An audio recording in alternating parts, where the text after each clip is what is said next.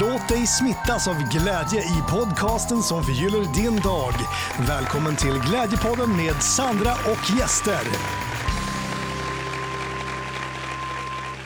I det här avsnittet så ska det bjudas på glädjande ledarskap av en glad ledare, nämligen Peter Eklund, som bland annat har vunnit pris som Årets räddare i nöden i arrangemanget Umeås gladaste företagare 2020. Och enligt mig som känner Peter sedan många år tillbaka så är han verkligen en riktig glädjespridare. Och vi kommer prata om ja, men bra ledarskap och Peter ger exempel på det som han tycker är de viktigaste ledaregenskaperna. Men vi kommer också prata om mindre bra ledarskap, när det har börjat gå över till någon form av maktmissbruk och eh, hur man förslagsvis kan förhålla sig till det om man är i en sån situation. Sen så kommer du också få lära känna Peter mera privat, bland annat genom att få svar på sådana här äh, viktiga frågor som favoritfärg, favoritmaträtt, favoritlåt och så vidare. Vi spelar in det här avsnittet på Elite Mimer Hotel, så jag vill börja med att rikta ett jättestort tack till er för att ni hjälper till och sprider glädje och bidrar till Glädjepoddens existens. Sen tänkte jag också, när vi ändå är inne på det här med ledarskap och företagande, att det passar väldigt bra att presentera arrangemanget Umeås gladaste företagare som nu körs för fjärde året. Så är det någon som lyssnar nu som bor i Umeå eller känner någon som bor och jobbar i Umeå, nominera jättegärna om det är så att ni har någon som passar in på i någon av kategorierna. Vi har kategorierna Årets gladaste chef, Årets gladaste medarbetare och specialpriset för i år det är Årets överraskningspris. Mina kontaktuppgifter finns i poddbeskrivningen så att det är bara att skicka in en nominering där. Jag ska också tacka våra samarbetspartners hittills som gör det möjligt att genomföra det här väldigt viktiga arrangemanget tycker jag. För jag tycker att eh, lyfta glädjen är glädjen och medmänskligheten är det absolut viktigaste. Och då har vi Ekonomi Nord som presenterar årets gladaste chef. Det tycker jag passar väldigt bra in eftersom att Peter Eklund då är chef på Ekonomi Nord och eh, ja, du fattar, det passar väldigt bra. Sen har vi JBR Konsult som presenterar årets överraskningspris. Och så har vi priset Årets gladaste medarbetare där vi än så länge inte har någon partner. Och där söker vi nu en huvudpartner som vill vara med och presentera det här priset. Ett företag som har en bra medarbetarkultur och som ja, men kan representera det här priset på ett bra sätt. Jag vill också tacka våra övriga partners som är Thorengruppen, Nalta Media, fotograf Lena Li och Chile Media. Nu har vi gjort så att vi, har, vi kommer ha som ett nätverk där man träffas ett par gånger per år och eh, lyfter glädjen i stan och lyfter varandra så att det blir lite mer än bara till själva finalen. För jag känner att vi behöver öka fokuset på glädje ännu mer. Och är det något företag som gärna vill vara med på det här, vill bli en partner i Umeås gladaste företagare så kontakta mig gärna för mer information. Vill du ha mer glädje varje onsdag så prenumerera gärna på den här podden om du inte redan gör det. Och eh, känner du någon som är intresserad av ledarskap och företagande så dela gärna det här avsnittet. Eh, hjälp till och sprid glädjen så blir jag väldigt glad. Vill du följa Glädjepodden via sociala medier gör du det under Glädjefabriken. Och eh, nu så är det dags för dagens glädjeboost med Peter. Välkommen till Glädjepodden Peter. Tack Sandra, det här var roligt. Ja, att du äntligen får vara med, en av mina största glädjespridare i livet.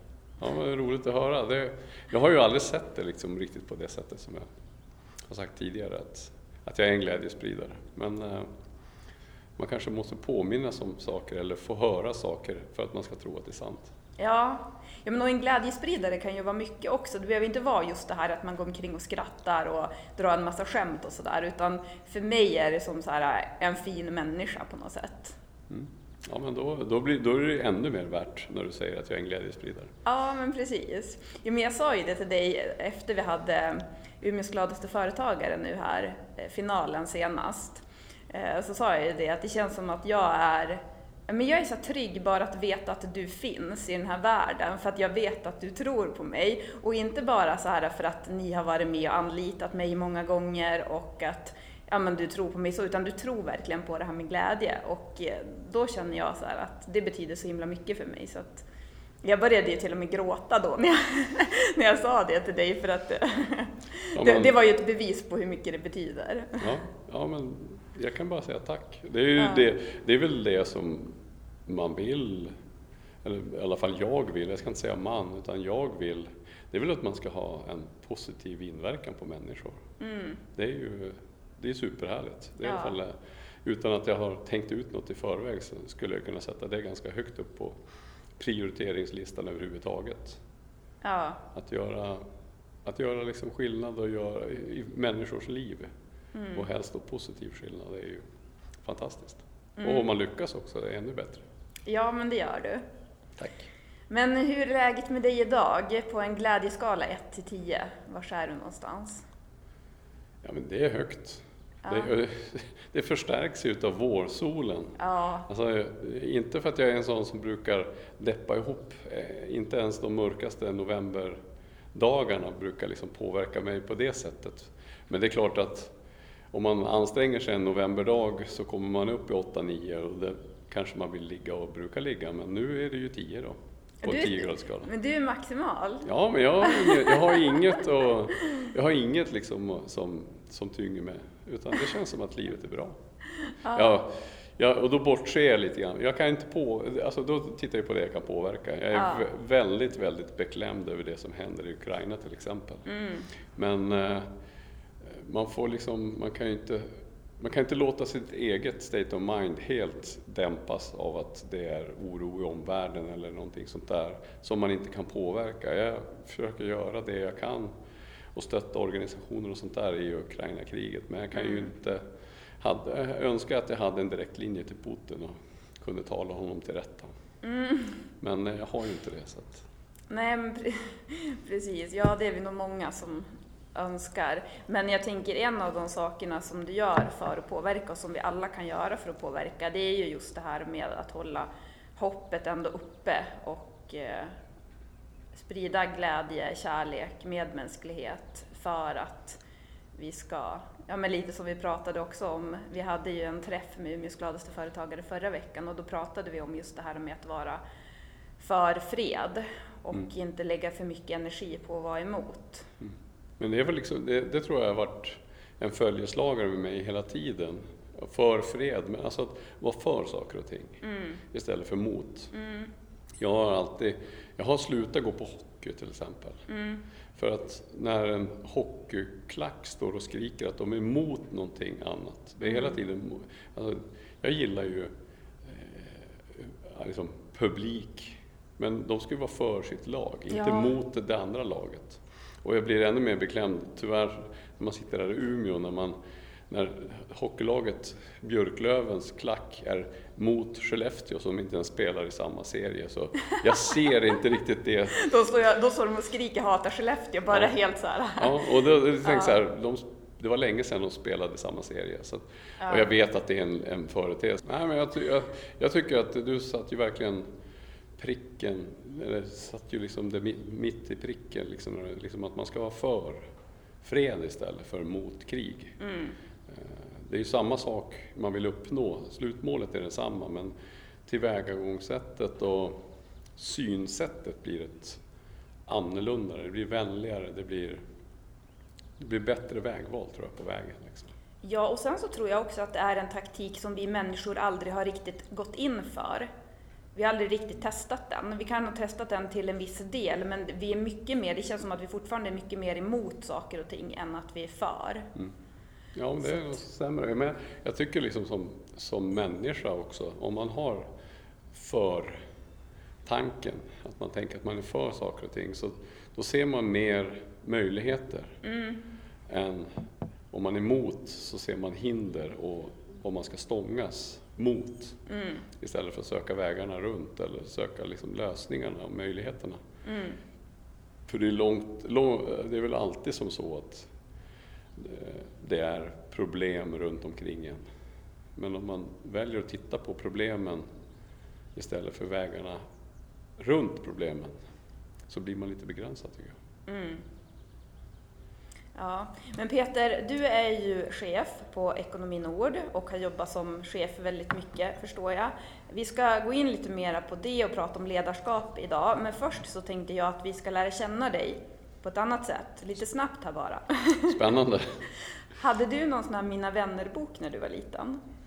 Nej, inte vad jag minns. Vet du vad det är för någonting? Ah, nej, du får berätta så att jag inte har, fel bild. Ja men det är som, man hade en sån bok där man kunde fylla i och så var det massa olika frågor och så fick alla ens kompisar fylla i den där boken. Och då tänker jag att du ska få några av de här frågorna nu. Sånt där som man ofta, vi vuxna kanske inte alltid frågar varandra de här frågorna. Jag tycker ändå att det är intressant. Ja, men spännande. Då får jag ju en Mina vänner-bok. Ja, du ska få den nu. Men då skulle jag först vilja veta, vad är du för stjärntecken? Jag är stenbock, Ja, visst fyller du år på julafton? stämmer. Mm, jag har sett det på Facebook. Mm. Vi har en liten klubb, jag och Jesus och Pernilla Wahlgren. Ja men gud vad härligt. Ja, nej men jag tänker stenbock också eftersom att du håller på med siffror. Det Mm. känns som att det hör ihop. Alltså det känns som att det är så här. Ja, ja men det... det ja, det, ja, Det känns som ett yrke för stenbockar. Ja, fast då har vi väldigt många som inte passar på mitt jobb. Då blir jag lite orolig faktiskt. För det är väldigt många som inte är födda stenbockar. Ja men då kan det finnas, ja. Ja. Ja. Men jag, kan, eh, jag gillar ju att hålla på med siffror, ordning och reda. Så att det, kanske, det passar i alla fall in på mig väldigt bra. ja. Har du något husdjur? Nej, Nej. Om du hade, vad skulle du ha för djur då? I ordningen så skulle jag nog först skaffa en katt. Mm. Sen skulle jag nog skaffa en hund. Och sen skulle jag skaffa en get. En get? Ja. Har du någonstans, att ha geten? Ja, jag har nog tänkt det, för jag har tänkt liksom på ålderns höst så ska jag flytta ut på landet Mm. eh, i vår sommarstuga och där skulle jag nog kunna ha en get. Ja. Jag tycker de, det är häftiga djur. Ja. Jag kan ingenting om getter. Nej. Jag tycker de är bara väldigt egensinniga och udda, men så häftiga liksom. Så Ja. att jag skulle, och det alla säger att det är, det är det dummaste man kan skaffa och det, jag blir tyvärr inte avskräckt utan ännu mer tänd bara på idén. Så jag kanske har en get och så får vi se hur länge den och jag är ihop då. Så Ja, men jag ser fram emot då. du kan få komma och intervjua min get. Ja, men precis. Ja. Vad är din favoritfärg? Oj. Jag har ju egentligen inte en. Liksom. Du får säga flera. Ja, alltså jag, ja, men om jag väljer en färg så väljer jag nog oftast blå. Ja, Jag tycker det är, det är en härlig färg. Jag, jag tänker liksom hur glad man blir när man ser himlen. ja just det. Så, och det är liksom lite grann där, himmel och vatten är blått. Det är, så Ja. jag väljer blå. Ja, Och sen kommer alla andra på andra plats. ja. Favoritmat? Det är också oerhört många, allt som är vällagat tycker jag om. Och så har jag börjat gilla husmanskost ännu mer. Mm. Jag säger stek, fläsk och löksås och potatis. Okej. Mm. Favoritfrukt då? Banan. Mm. Favoritlåt? Thunder Road med Bruce Springsteen. Jag kan inte ens höra den framför mig. Jag, ska, jag ska lyssna på den sen. Ja, det, jag var orolig att du skulle be mig nynna på den. Men det, Ja, men det, få det kom- höra! Nej, det kommer, det kommer absolut inte att hända.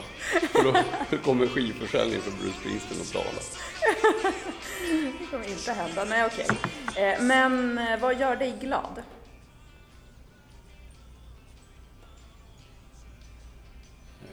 Andra glada människor och naturen. Har du någon idol? Ja, jag har en idol som jag liksom burit med mig. Ja, det är ju egentligen min farmor eh, som är min idol. Vad heter hon? Hon hette, hon hette Astrid. Ja. Eh, och hon står liksom, apropå det här med goda människor och sådana saker, hon alltså, står för absolut godhet och omtanke för mig. Hon var hon tog liksom hand om alla sina kamrater i huset där hon bodde. Och till slut så, så hade alla gått bort mm. och det bara var, hon, var bara hon kvar. Men hon var så himla omtänksam och snäll och rar mot, liksom, liksom mot oss i familjen också. Men alltså, hon mm. var så himla omtänksam som människa och liksom en sann naturvän. Så att, jag vet inte, det är liksom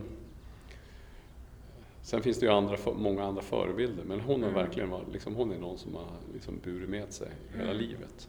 Hon har betytt jättemycket. Ja. Tyvärr så gick hon bort för jättelänge sedan, det var ju 30 år sedan hon gick bort. Ja. Men äh, tack och lov så fick man ju ganska många år tillsammans med henne ändå. Ja, och hon lever ju fortfarande kvar ja, ja, ja. Så. Det, det går inte bort. Nej, vad fint. Eh, vad var ditt bästa ämne i skolan? Var det matte? Nej, nej, jag var ganska bra på, jag var ganska duktig på matte. Eh, eh, men jag tror att, jag tror ändå att det var faktiskt svenska som var mitt bästa ämne. Mm. Eh, roligast tyckte jag kemi var. Oj. Men ja. jag hade som ingen fallenhet för de andra naturvetenskapliga ämnena så att det liksom gick inte att falla in på den banan. Men kemi, alltså det var just det där med uppbyggnad, att man kan mixtra och dona. Det tyckte jag var häftigt på, på, hög, på högstadiet. Ja. Men det blev ingenting mer med det så att nu får man väl titta på naturvetenskapliga program och tycka det är fascinerande. Du kanske tar upp det sen när du skaffar geten och flyttar ut där till landet? Ja, kan du hålla på och mixtra med grejer? Och... Ja, bygga ett labb och en gethage. Ja, men precis. Men det är härligt ändå att ha framtidsdrömmar, mm. även om de inte blir av. Mm. Det var min favoritgrej när jag gick gymnasiet, att sitta och så dagdrömma. Alltså jag hittade ju på saker hela tiden, så helt galna grejer som jag skulle göra sen när jag hade gått ut gymnasiet. Mm. uh, ja, jag vet inte om allting, alltså det är ju mycket som verkligen inte har blivit av, men det var härligt ändå att bara så drömma och tänka då så att ja men då är jag fri. Mm. Ja, men det är väl ganska bra överhuvudtaget det där med drömmar och sådana saker. Att, mm. uh, sen att de inte att de får vara just bara drömmar, för mm. de vidgar ju vyerna lite grann. Att det inte blir att man ska jaga alla sina drömmar. Då blir det Nej. ju liksom ett problem med det. Men jag tror att det är ganska, det blir ganska fint att ha mycket drömmar, för då har man ju lite visioner, lite tankar. Mm. Sen är det väl som alla drömmar, man kan inte uppfylla dem alla. Eller ge, leva dem heller. Liksom. Men de, jag tror att man kommer en bit på vägen genom att våga drömma och tänka stort. Ja, men också sen också så här, just så här att man inte sätter press på sig att man måste uppfylla utan att det faktiskt bara kan vara kul att ha, ha lite roligt i huvudet ett tag. Mm. Ja, ja, det... Underhålla sig själv Absolut. och bara tänk ja, men... om. Mm, mm. Ja men det är bra, bara det inte blir, ja. jag tänker det är viktigt liksom att det inte blir en låsning. Nej precis. Eh, att man då liksom tycker att man har, bara för att man tänkt tanken, har förpliktat sig till det för då blir det ju liksom ett tvång och då brukar det inte bli riktigt lika roligt att uppfylla sina tvångstankar istället. Nej. Man ska hålla dem som drömmar, att tänka att det här skulle kunna hända.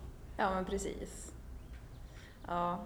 ja, men vad kul att få veta lite mer om dig, sådana där saker. Ja, och jag fick veta väldigt mycket mer om mig själv. Jag, så det, det är frågor jag väldigt sällan tänker på faktiskt. Ja. Jag kanske ska skaffa mig en, vad heter det, vänbok? Mina vänner-bok. Mina vänner-bok. Så att eh, jag tror jag väldigt länge sedan jag frågade någon vad de hade för favoritdjur eller favoritfärg. Eller, så att, eh, det kanske, ja. Jag kanske kan lära mig ganska mycket nya saker om mina vänner.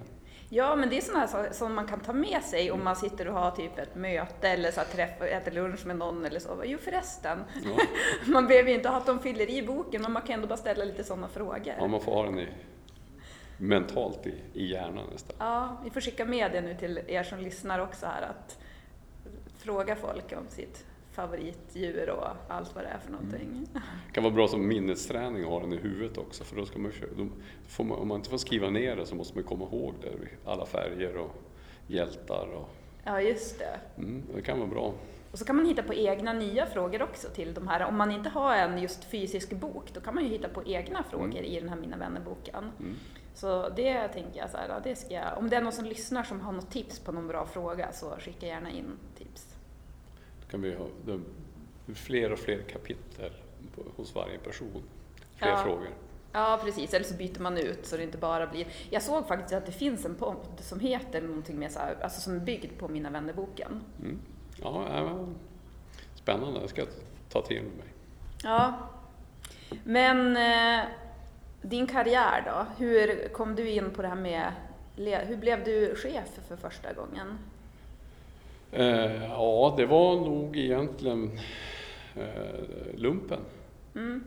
Jag gjorde lumpen, jag var ju befälsuttagen i lumpen. Så det var nog liksom mitt första chefsuppdrag. Innan dess så var jag nog en flygande löv i, i samhället liksom. Så det var nog det var det första. Att faktiskt att, i lumpen. Och det, redan, det är intress, jag vet inte, jag hade väl, det visade sig att jag hade viss fallenhet för det. För att eh, eh, jag blev ju uppmanad om att söka yrkesofficersutbildningen och gjorde det. Och på den vägen, där började liksom ledarskapsbanan kan man väl säga. Mm. Så min grundläggande liksom ledarskapskunskap kom ju, och min erfarenhet, mina första ledarerfarenheter kom ju därifrån. Men det är väl en ganska bra skola? Jag tycker den var alldeles ypperlig. Ja. Alltså det är ju, man har ju väldigt, väldigt bra möjligheter att testa sitt ledarskap i olika situationer. Mm. Det händer ju väldigt mycket när man är ute på liksom militära övningar som man har en jättefin plan och så gick det inte alls enligt plan. Eh, beroende på att fienden gjorde någonting annat eller vädret blev något tredje. Ja. Så att man hela tiden var tvungen att liksom fatta nya beslut. Mm. Och jag tror att mycket utav mitt eh, ledarskap, även om det här börjar vara många år sedan jag var i försvaret, så eh, är det klart att det är grundat där. Mm. Så är det. Ja. Men jag tänker på det, Sim- Simon Sinek, jag har lyssnat en del på honom, och han nämnde där att just det här med militären, att där är det ju så att om det skulle vara att det händer någonting, alltså det är en sån otrolig trygghet där, att man vet att om det händer mig någonting så kommer alla mina eh, kamrater, eller vad, vad kallar man, kollegor? Ja. eh, kommer finnas där för en och backa upp en. Och att om man är den då personen som, som sätter sig själv sist och sätter de andra eh, framför sig själv så får man en guldmedalj medan det i företagslivet ofta är tvärtom. Att det är de som kanske till och med ibland trampar andra på tårna som får en guldmedalj. Och jag tänker att eh, väldigt fint. För då nämnde han det också så här att om, ja men tänk dig det företaget där man vet då att ja, om det är någonting, om jag tab, eh, tabbar mig eller gör något misstag så kommer alla andra backa upp mig, den tryggheten som finns i det företaget. Och där tänker jag då, tänk den världen vi kan leva i där vi vet att vi är trygga Mm. med varandra. Så det är verkligen någonting att sträva efter. Men det är väl egentligen en av grunderna i, i ledarskapet egentligen, det är ju att ha alltså, att man ha- har förtroende för, för, hos dem som man ska leda. Mm, Och att man, alltså, det, mil- det militära kallas ju alltid föregångsman. Mm, Borde kanske döpas om till föregångsperson då, då för att vara lite mer könsneutralt. Då. Men att man, att man delar liksom strapatser. Att man inte sätter sig själv på någon högre pedestal för att man är sett, ut, utsedd som chef. mm, Eh, Det, det är ju, det är ju en, en viktig del som, som jag har tagit med mig och försökt leva med i, även i den, i den civila delen. mm. Mm. Så att, eh, Men där tänker jag också så här, nu kommer jag in med så här Simon Sinek-grejer igen, men jag tycker han har mycket bra saker att prata om just när det kommer till det här med ledarskap och empati och så. Och eh, där också just det här med att man eh, för han har ju sagt det att om det är så att det går bra för en, då kommer folk att behandla en annorlunda. Går det riktigt bra så kommer man få sina VIP-inbjudningar, man kommer få specialbehandlingar och allt sånt där. Och det kan man ju absolut tacka ja till och man kan njuta utav det. Men man ska ändå komma ihåg att det har ingenting med en själv att göra som person. Nej. För det är jättelätt att egot kommer in där och tror att man är lite bättre än någon annan när det går lite bra. Så att det gäller ju, det tror jag är det viktigaste alltid, att hålla så här komma ihåg det, att hålla fötterna på jorden, både när det går bra och när det går dåligt. Att komma ihåg att, ja men när det går dåligt också, jag är inte sämre än någon annan då. Nej, Nej men det gäller ju att skilja på person och funktion. Där, liksom, att det är ju, det är som du säger, det är ju, alltså ledarskapet, det grundar sig i hur man är som person. Det andra är ju chefskap och det kommer ju med funktionen och positionen. Så att eh, man, man ska tänka på det där tror jag. Ja, men hur skulle du beskriva ett bra ledarskap? Oj, det är jättesvårt. Jag, jag, alltså, de, jag kan ju bara titta på de egenskaper som de ledare som jag har tyckt och tycker är bra ledare har. Så är det ju liksom att det börjar ju i att man, man är, det finns några ord som poppar upp i mitt, mitt, min, min, eh, min hjärna när vi pratar om det där, så är det ju mod, en av de viktigaste. Att man är modig och att man vågar liksom modig ur perspektivet att man både vågar, liksom man vågar liksom skydda och ta hand om de man är satt att leda.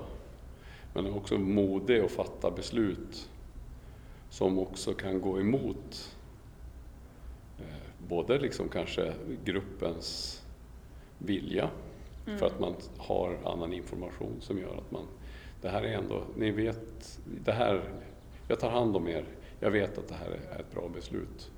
Och men sen också ett mod att våga fatta och ändra beslut ganska ofta. För det är där det kommer tillbaks till liksom det militära, mitt förhållande till planer och att fatta nya beslut. Alltså en plan är ju bara just att man har tecknat ner eller tänkt igenom något händelseförlopp som man tror ska hända. Och det är ju väldigt sällan det går som man har tänkt sig. Så att planen är ju egentligen bara startpunkten på nästa omplanering och nästa nya beslut. För man lär sig ju ny, får ju nya liksom insikter och kunskaper hela tiden. Och då kan man inte stå fast vid samma beslut när man får ny information. Utan att man är modig och vågar fatta nya beslut ganska ofta. Ja, Och det, det ju, handlar ju inte om att byta inriktning hela tiden, men alltså hela tiden så får vi ny kunskap. Och då behöver man faktiskt fundera på det beslutet som jag fattade för en vecka sedan, en månad sedan eller en, två månader sedan. När jag, som jag fattade beroende på liksom vad jag visste då. Nu när jag vet lite mer, är det det bästa beslutet eller ska vi korrigera det lite grann? Så att mod är, är viktigt. Och Det där, förlåt om jag, det är inte mer, jag vill bara flika in här, det där är ett jättebra exempel tycker jag på vad mod är för någonting. Att våga, som du säger, justera om man får lite mer information. För att man utvecklas ju hela tiden. Och det tänker jag också så här att, ja men så generellt i livet, att när man får eh, när man lär sig nya saker, att våga kanske ändra sin egen uppfattning eller ståndpunkt. Och våga vara flexibel med vem man tror att man är. Ja, men jag tycker det liksom, det är mod för mig. Eh, och det är, ja, det är ju ganska modigt för att det är ganska lätt att bli betraktad för någon som eh, alltså velpelle som ändrar sig hela tiden. Men om man vet varför man ändrar sitt beslut och att man liksom gör det för att man har faktiskt fått mer information, mer kunskap och kan fatta ett beslut som passar bet- ännu bättre in med, med den kunskapen. Då tycker jag det är modigt att göra det. För att jag tror att det är ganska många som står fast vid sitt beslut för att verka ståndaktiga. Ja. Men det är risk att men då, då blir man stående på ett ben hela sitt liv och går inte framåt. Precis. Så att, eh, Jättebra exempel, Mm. I love it. Mm. Nej, men det, så det, det tycker jag. Och sen, sen är det ju liksom engagemang. Eller jag skulle kunna, jag, jag, de, de eh, ledare, de riktigt bra ledare som jag har jobbat med genom åren, eh, eller ledare som man har sett, de har ju ett, där tror jag inte ens man kan säga att det är engagemang utan att man har en passion för det man håller på med. Eh, Och det tror jag är jätteviktigt. För då, om man verkligen, om man verkligen visar att man är passionerad för det, det området eller den gruppen eller den verksamhet man är satt att leda, då är det lättare att få med sig medarbetare och kollegor på tåget. Mm. Så att man eh, måste faktiskt fysiskt visa att jag gillar det vi gör och det, den organisationen vi tillhör. Annars, annars blir det, får man liksom lite motvind hela tiden tror jag. Mm. Nu ser du sådär lurig ut. Så. Nej men jag tänk, eh, har, har du något mer? Eh, du, du har sagt nu mod och engagemang Mm. eller passion. Och ja, det finns, ju, det finns ju hur många ord som helst. Jag tänker att eh, för mig har det alltid varit liksom närhet. Mm. Att vara nära det man leder. Mm. Eh, och det, det har ju verkligen satts på, sitt, satts på prov nu under pandemin. Mm. Då liksom närheten som för mig egentligen har varit att faktiskt fysiskt vara så även om jag kanske har varit ansvarig för verksamhet som har funnits i hela Sverige så, så är det ju bara att resa runt och vara nära dem man leder. Man, kanske, man är inte där hela tiden men man är där fysiskt. Mm. Och det har ju varit väldigt svårt. Eh, Men för mig är det, åtminstone ska ju det, de man leder känna den närheten. Mm. Och det lättaste är ju, det är ju faktiskt att vara på samma plats. Ja. Så att jag tror att mitt ledarskap har varit ganska speglat av att jag försöker vara där det händer Mm. och inte leda per telefon eller videosamtal eller någonting sånt där per mail. Utan jag är oftast, försöker vara på plats där det händer. Mm. Så det, det, det tror jag är viktigt. Det tror jag också. Mm. Ja, men det låter jättebra. Vi upprepar dem igen. Mod, engagemang, passion och närvaro. Mm. Närhet. Ja. Och i i det här närhet så då kommer ju det där det ordet som jag inte vet om det är rätt eller fel eh, nu då, det är föregångsman. Det, då är man ju med där det händer. Ja. I det militära så handlar det om att inte sitta som general i det bakre tältet och skicka ut folk på slagfältet utan faktiskt vara där det händer. Mm. I näringslivet är det väl mycket också att inte bara skicka ut ett mejl med order eller direktiv för vad som ska göras eller hur det ska göras utan faktiskt vara där och göra det tillsammans med de som ska göra det. Mm. det så att, liksom att visa, och det handlar ju också om att visa att man man kanske inte, om man ska liksom en ny säljkampanj, man kanske inte är den bästa säljaren men man visar att man är committad till att göra det Mm. genom att faktiskt försöka själv också. Mm, precis. Men du är ju också med och representerar det här priset vi har i Umeås gladaste företagare som är ett arrangemang som körs i Umeå. Då är eh, Ekonomi Nord med som huvudpartner för priset eh, Årets gladaste chef. Mm. Och eh, det tycker jag är jättekul eftersom att eh, det känns som att ja, men det passar så himla bra in på er och jag känner ju dig sedan många år tillbaka. Mm. Och eh, där har vi ju fått se, både du och jag har ju fått se många jättebra, fantastiska exempel på bra chefer och bra ledarskap. Så jag känner att jag är ganska så här, jag är lite bortskämd med det. Ja, Men- ja, men det är väl härligt. Det, det finns ju fantastiskt många glada chefer och duktiga chefer. Glada, det blir ju ofta synonymt med att folk som går och skrattar hela tiden men det är, väl, Ja. det är inte det det det är inte det som priset symboliserar att den, den som har dragit mest på smilbanden under 365 dagar. Nej men precis, precis som vi pratade om inledningsvis där med att jag sa att du var en glädjespridare, att det handlar mer om att det är en fin människa och som ja, eh, Eh, kan sin grej. Men eh, det finns ju också, jag tänker att just det här med ledarskap så tänker jag att det finns en tendens att de som är ute efter makt, kanske lite åt det här narcissistiska hållet, gärna drar sig till att bli ledare. Och jag vet också att det finns många, tyvärr, dåliga exempel på ledare. Vilket faktiskt var anledningen att jag, drog, att jag blev peppad på Umeås gladaste företagare och startade det eh, från första början. För jag fick ett exempel på en sån och då kände jag så här, så här kan det inte vara. Nej, men Ett det, jättebra exempel tyvärr på en, på en sån som inte borde vara ledare. Ehm, Men då tänker jag så här, har du något, eller hur, hur ska man tänka som, om man är en anställd till en sån, hur ska man förhålla sig då till om man har en ledare som är väldigt så här, kanske narcissistisk eller eh, vill som ta ut, eh, ja men som missbrukar sin makt helt enkelt? Mm. Det, det, är ju, det är ju väldigt svårt, för eftersom man är ju lite grann i beroendeställning. Mm. Men jag tänker, hur, alltså jag försöker vrida på det, hur säger jag, hur försöker jag upp, jag försöker liksom få så mycket inputs från mina medarbetare, eller de jag jobbar tillsammans med, eh, för att liksom utveckla mig själv också. Mm.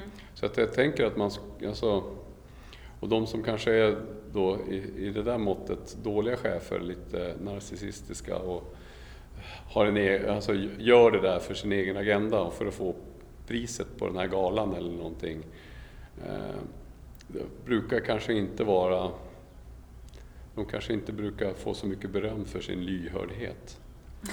Så det är, så att, jag menar, det första jag tänkte så man får Fint uttryckt!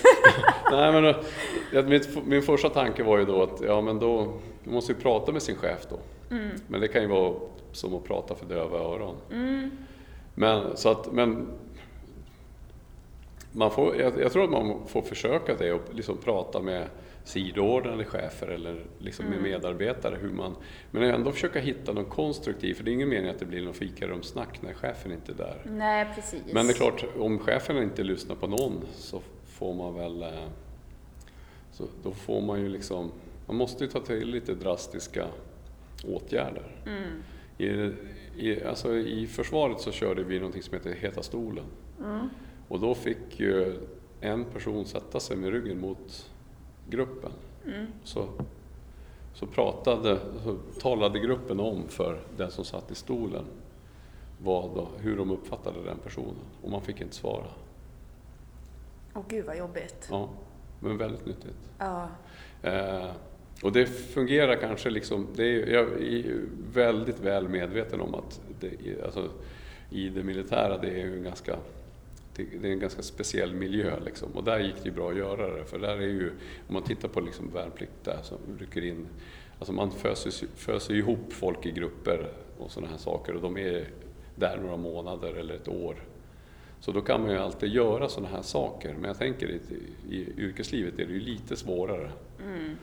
Eh, men på något sätt så, jag tycker ju hela tiden man måste försöka, man måste konstruktivt försöka påverka sin situation, mm. även som medarbetare.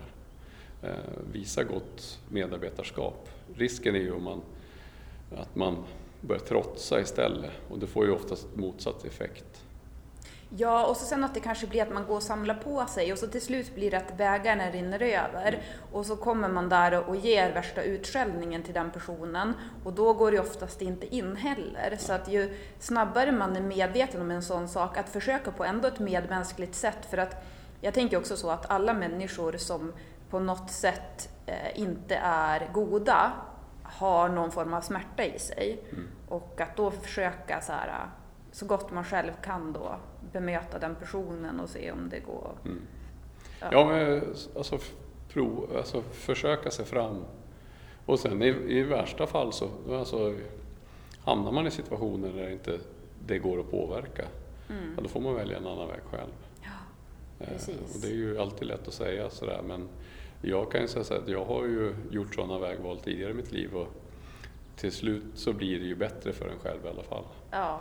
För om det, är ett så stort, om det blir ett så stort problem på, på, på jobbet för medarbetaren eller chefen också för den, för den sakens skull så det är, upp, det är ju liksom hälften av sin vakna tid som mm. man är mm. på jobbet. Det är alldeles för mycket tid för att inte trivas. Liksom. Verkligen. Och jag menar, är det som så att vi, man är flera stycken som, eh, som eh, alltså, ofta så, en sån chef som du beskriver som, ja, som du inte man kan se som någon god ledare, mm. Eh, det är ju sällan det är en medarbetare som har problem med den. Nej. Och om det är då flera stycken som hoppar av det tåget så brukar ju till slut det gå upp för den, för chefen har ju oftast en chef också.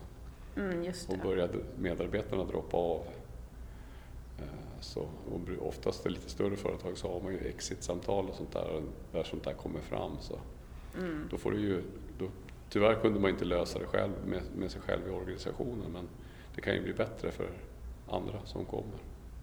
Ja, och det man får ta med sig också det är att det är väldigt smärtsamt att se sina egna sämre sidor. Mm. Så tänk då en person som kanske inte ens är medveten om det, få den att förstå då. Mm. Det, jag vet inte. Ja. Nej, men det kan ju vara Utmaning. också som det är, att det kan ju vara som så att den här dåliga chefen inte vet om hur han uppfattas och liksom vad sitt beteende får för konsekvenser. Mm. För vi till mans och kvinns är ju lite dåliga på också att berätta hur vi känner. Ja, men och vet du vad jag tänker också Peter? Jag tänker så här att ju mer vi kan vara, ju mindre dömande vi människor kan vara, för en av anledningarna att det är så jobbigt att förändras, det är ju för att det är ganska, vi lever i ett ganska dömande samhälle.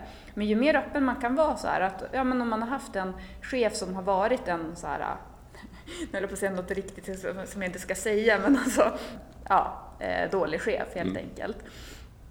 Att kunna se att, eh, ja men alla kan faktiskt förändras och även en själv kan förändras. Så det börjar ju med att man blir mindre dömande mot sig själv och ser att man själv kan förändras. Som du var inne på det där med att man, ja men oj, nu den här veckan så har jag lärt mig mer så nu ändrar vi, vi gör lite små justeringar här.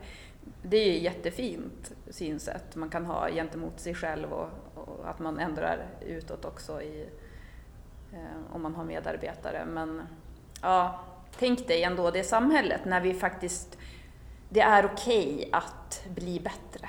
Mm. Och nu, vi har ju, alltså, det är ju okej, men jag tänker att vi kan bli ännu bättre på Mm. det. Ja, men det, är- det, det, det är en härlig tanke liksom. och det är ju en strävan som vi bör, vi bör ha, Mm. tycker jag. Jo, men precis. Du ska få några avslutningsfrågor. Okej? Och då tänkte jag så här. Det här är bara så här väldigt spontant nu. Att vi ska gå in nu i det här med våga drömma och även om sånt som kanske inte överhuvudtaget någonsin kan hända. Men då tänker jag, vad är det roligaste som skulle kunna hända dig idag? Ja, det är ju, om man ska plocka ner det till någon sån här enkel sak som skulle göra mig väldigt mycket gladare idag, det är ju liksom att eh, min mor har precis bytt höft, Ja. så hon har väldigt ont. Mm. Det bästa som skulle kunna hända det är att, att det upphör. Ja. Det är nog det bästa som skulle Nej men kunna gud hända. vad fint. För, det, ja, för att även om jag, som jag, säger, som jag inledde med, jag tycker liksom att allt, allt är på topp. Mm. Och det, det, det är ju, trots att hon har ont, jag vet att det, är ju, det, blir ju bättre för varje dag. Liksom. Mm. Men jag skulle väldigt gärna, om jag, om jag fick snabbspola hennes och ta bort hennes smärta, det skulle göra väldigt stor skillnad ändå. Mm. Eh, För det är ju liksom någonting som gnager i mig i alla fall, Mm. att hon har det. Annars så, det är liksom sådana enkla grejer som jag tänker på, inte det är klart att jag skulle vara roligt att hitta någon ny kund eller något sånt där, men det känns som det är inte det viktigaste. Alltså vet du vad jag tänkte? Nej.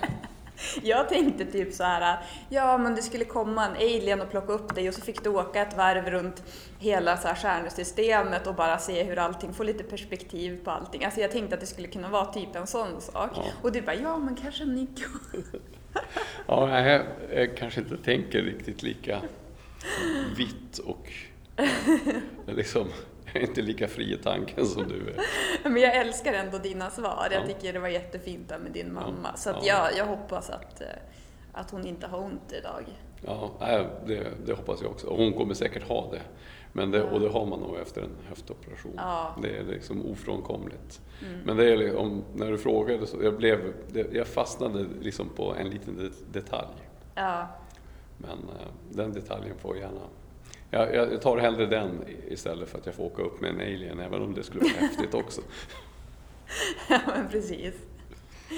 Ja. Eh, om du skulle ställa en fråga till någon, vilken skulle du tycka var den intressantaste frågan att ställa till den personen då? Eller nu vart det så här, det känns som att det direkt blir lite press när man säger den mest intressanta. Så jag säger så här, om du skulle ställa en fråga till en person bara, vilken som helst, vad skulle du vilja? Ja, det är, ju klurigt. Alltså det som, jag, det som jag funderar på i många fall det är ju liksom så, en sån sak som om, alltså hur, alltså jag tycker att det, det vi, inklusive mig själv så tycker man väldigt mycket om väldigt många saker. Mm. Man har väldigt många liksom, förutfattade meningar och bestämda åsikter kring det. Och ehm, jag försöker så ofta som jag kan vrida det på liksom egentligen vad, vad, vad är du beredd att göra för att ändra någonting i ditt, alltså i ditt eget angreppssätt för att komma, komma, liksom hitta en lösning. Mm. Man tycker liksom att någonting är dåligt eller man backar tillbaks på jobbet, man tycker någonting är dåligt. Mm. Alltså vad vill, vad vill, du göra för att det ska bli bättre? Mm.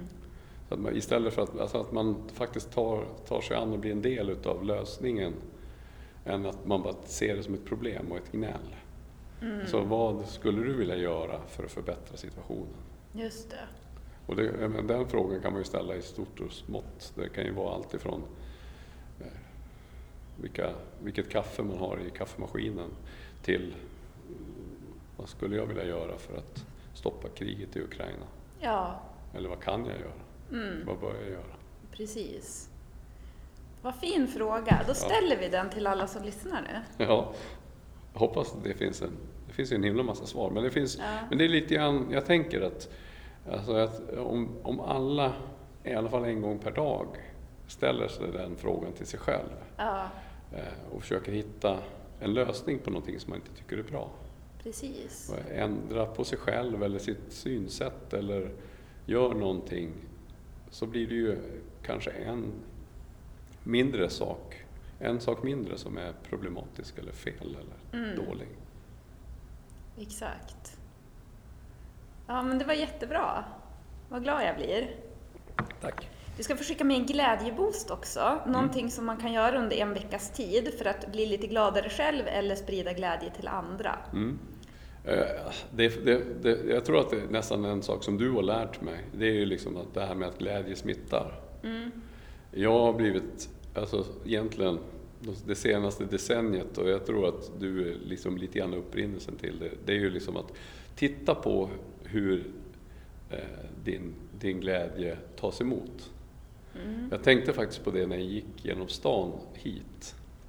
Så, så många, jag försökte passera så, så nära så många som möjligt naturligtvis lite coronaavstånd sådär. Då, då.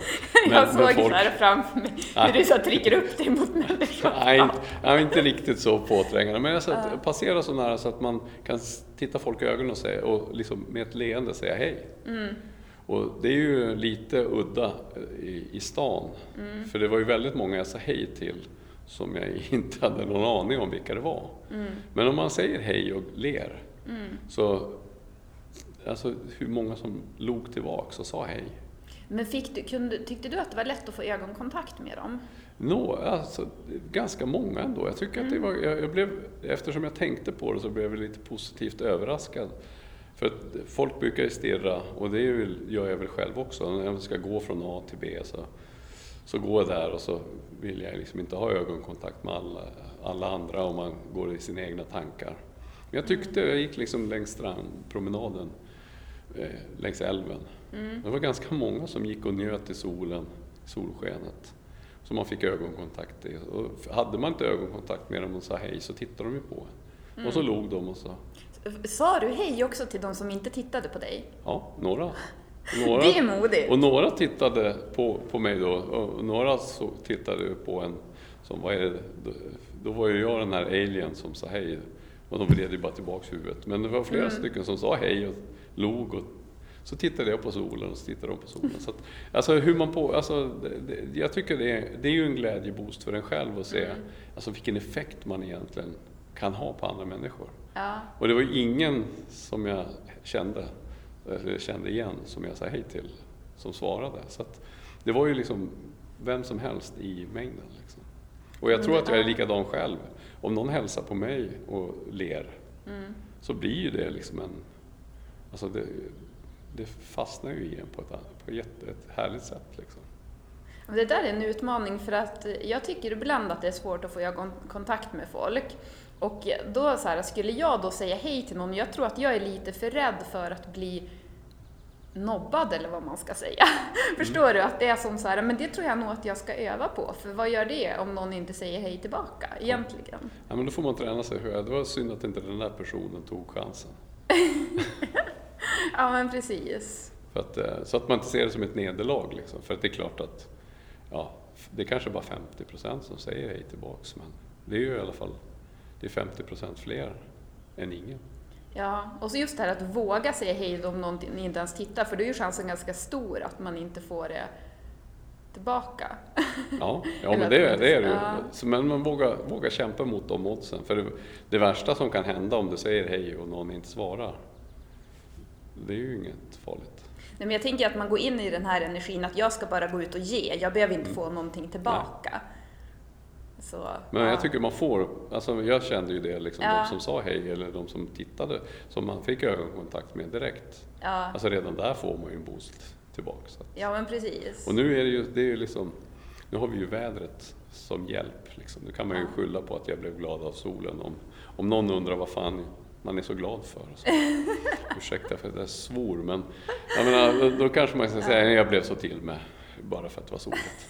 Som att man måste skylla på någonting Ja, men om man, man är måste, glad. man känner, om, någon, om någon surpuppa attackerar en och undrar varför man är så jäkla glad och munter så får man väl skylla på solen. Ja, men det kan ju vara provocerande med glädje. Det har ju jag upptäckt eh, med Glädjefabriken att det, kan, det har varit väldigt provocerande för folk. Ja, ja men det är bra. De, de, som, de som blir provocerade av det, Ja, vi behöver, vi behöver provocera dem mycket för att det är de vi ska omvända.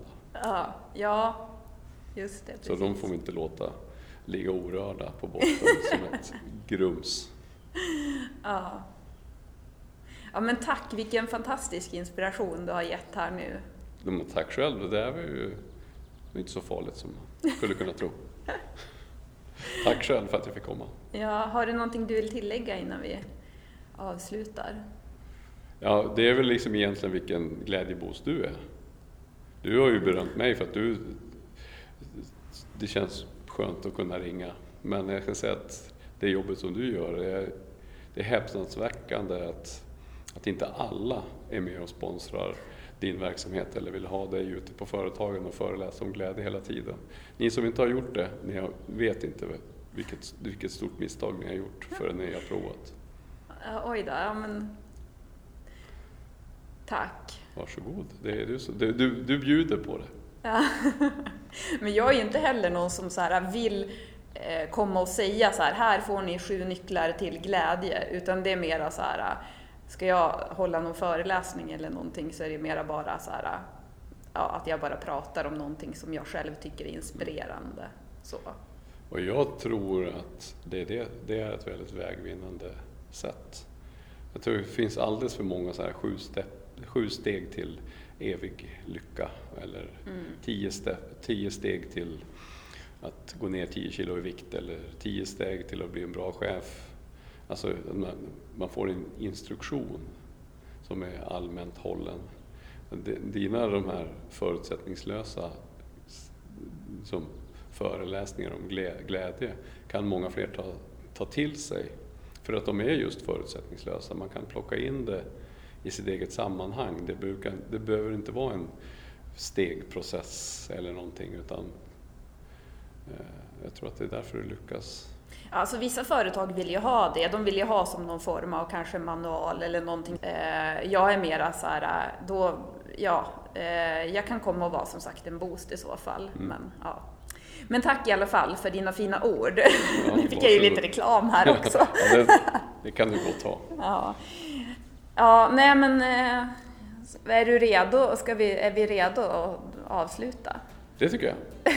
Det tycker jag. Ja, då går vi ut och eh, ler i solskenet. Ler i solskenet. Ja, Söker ögonkontakt. ja.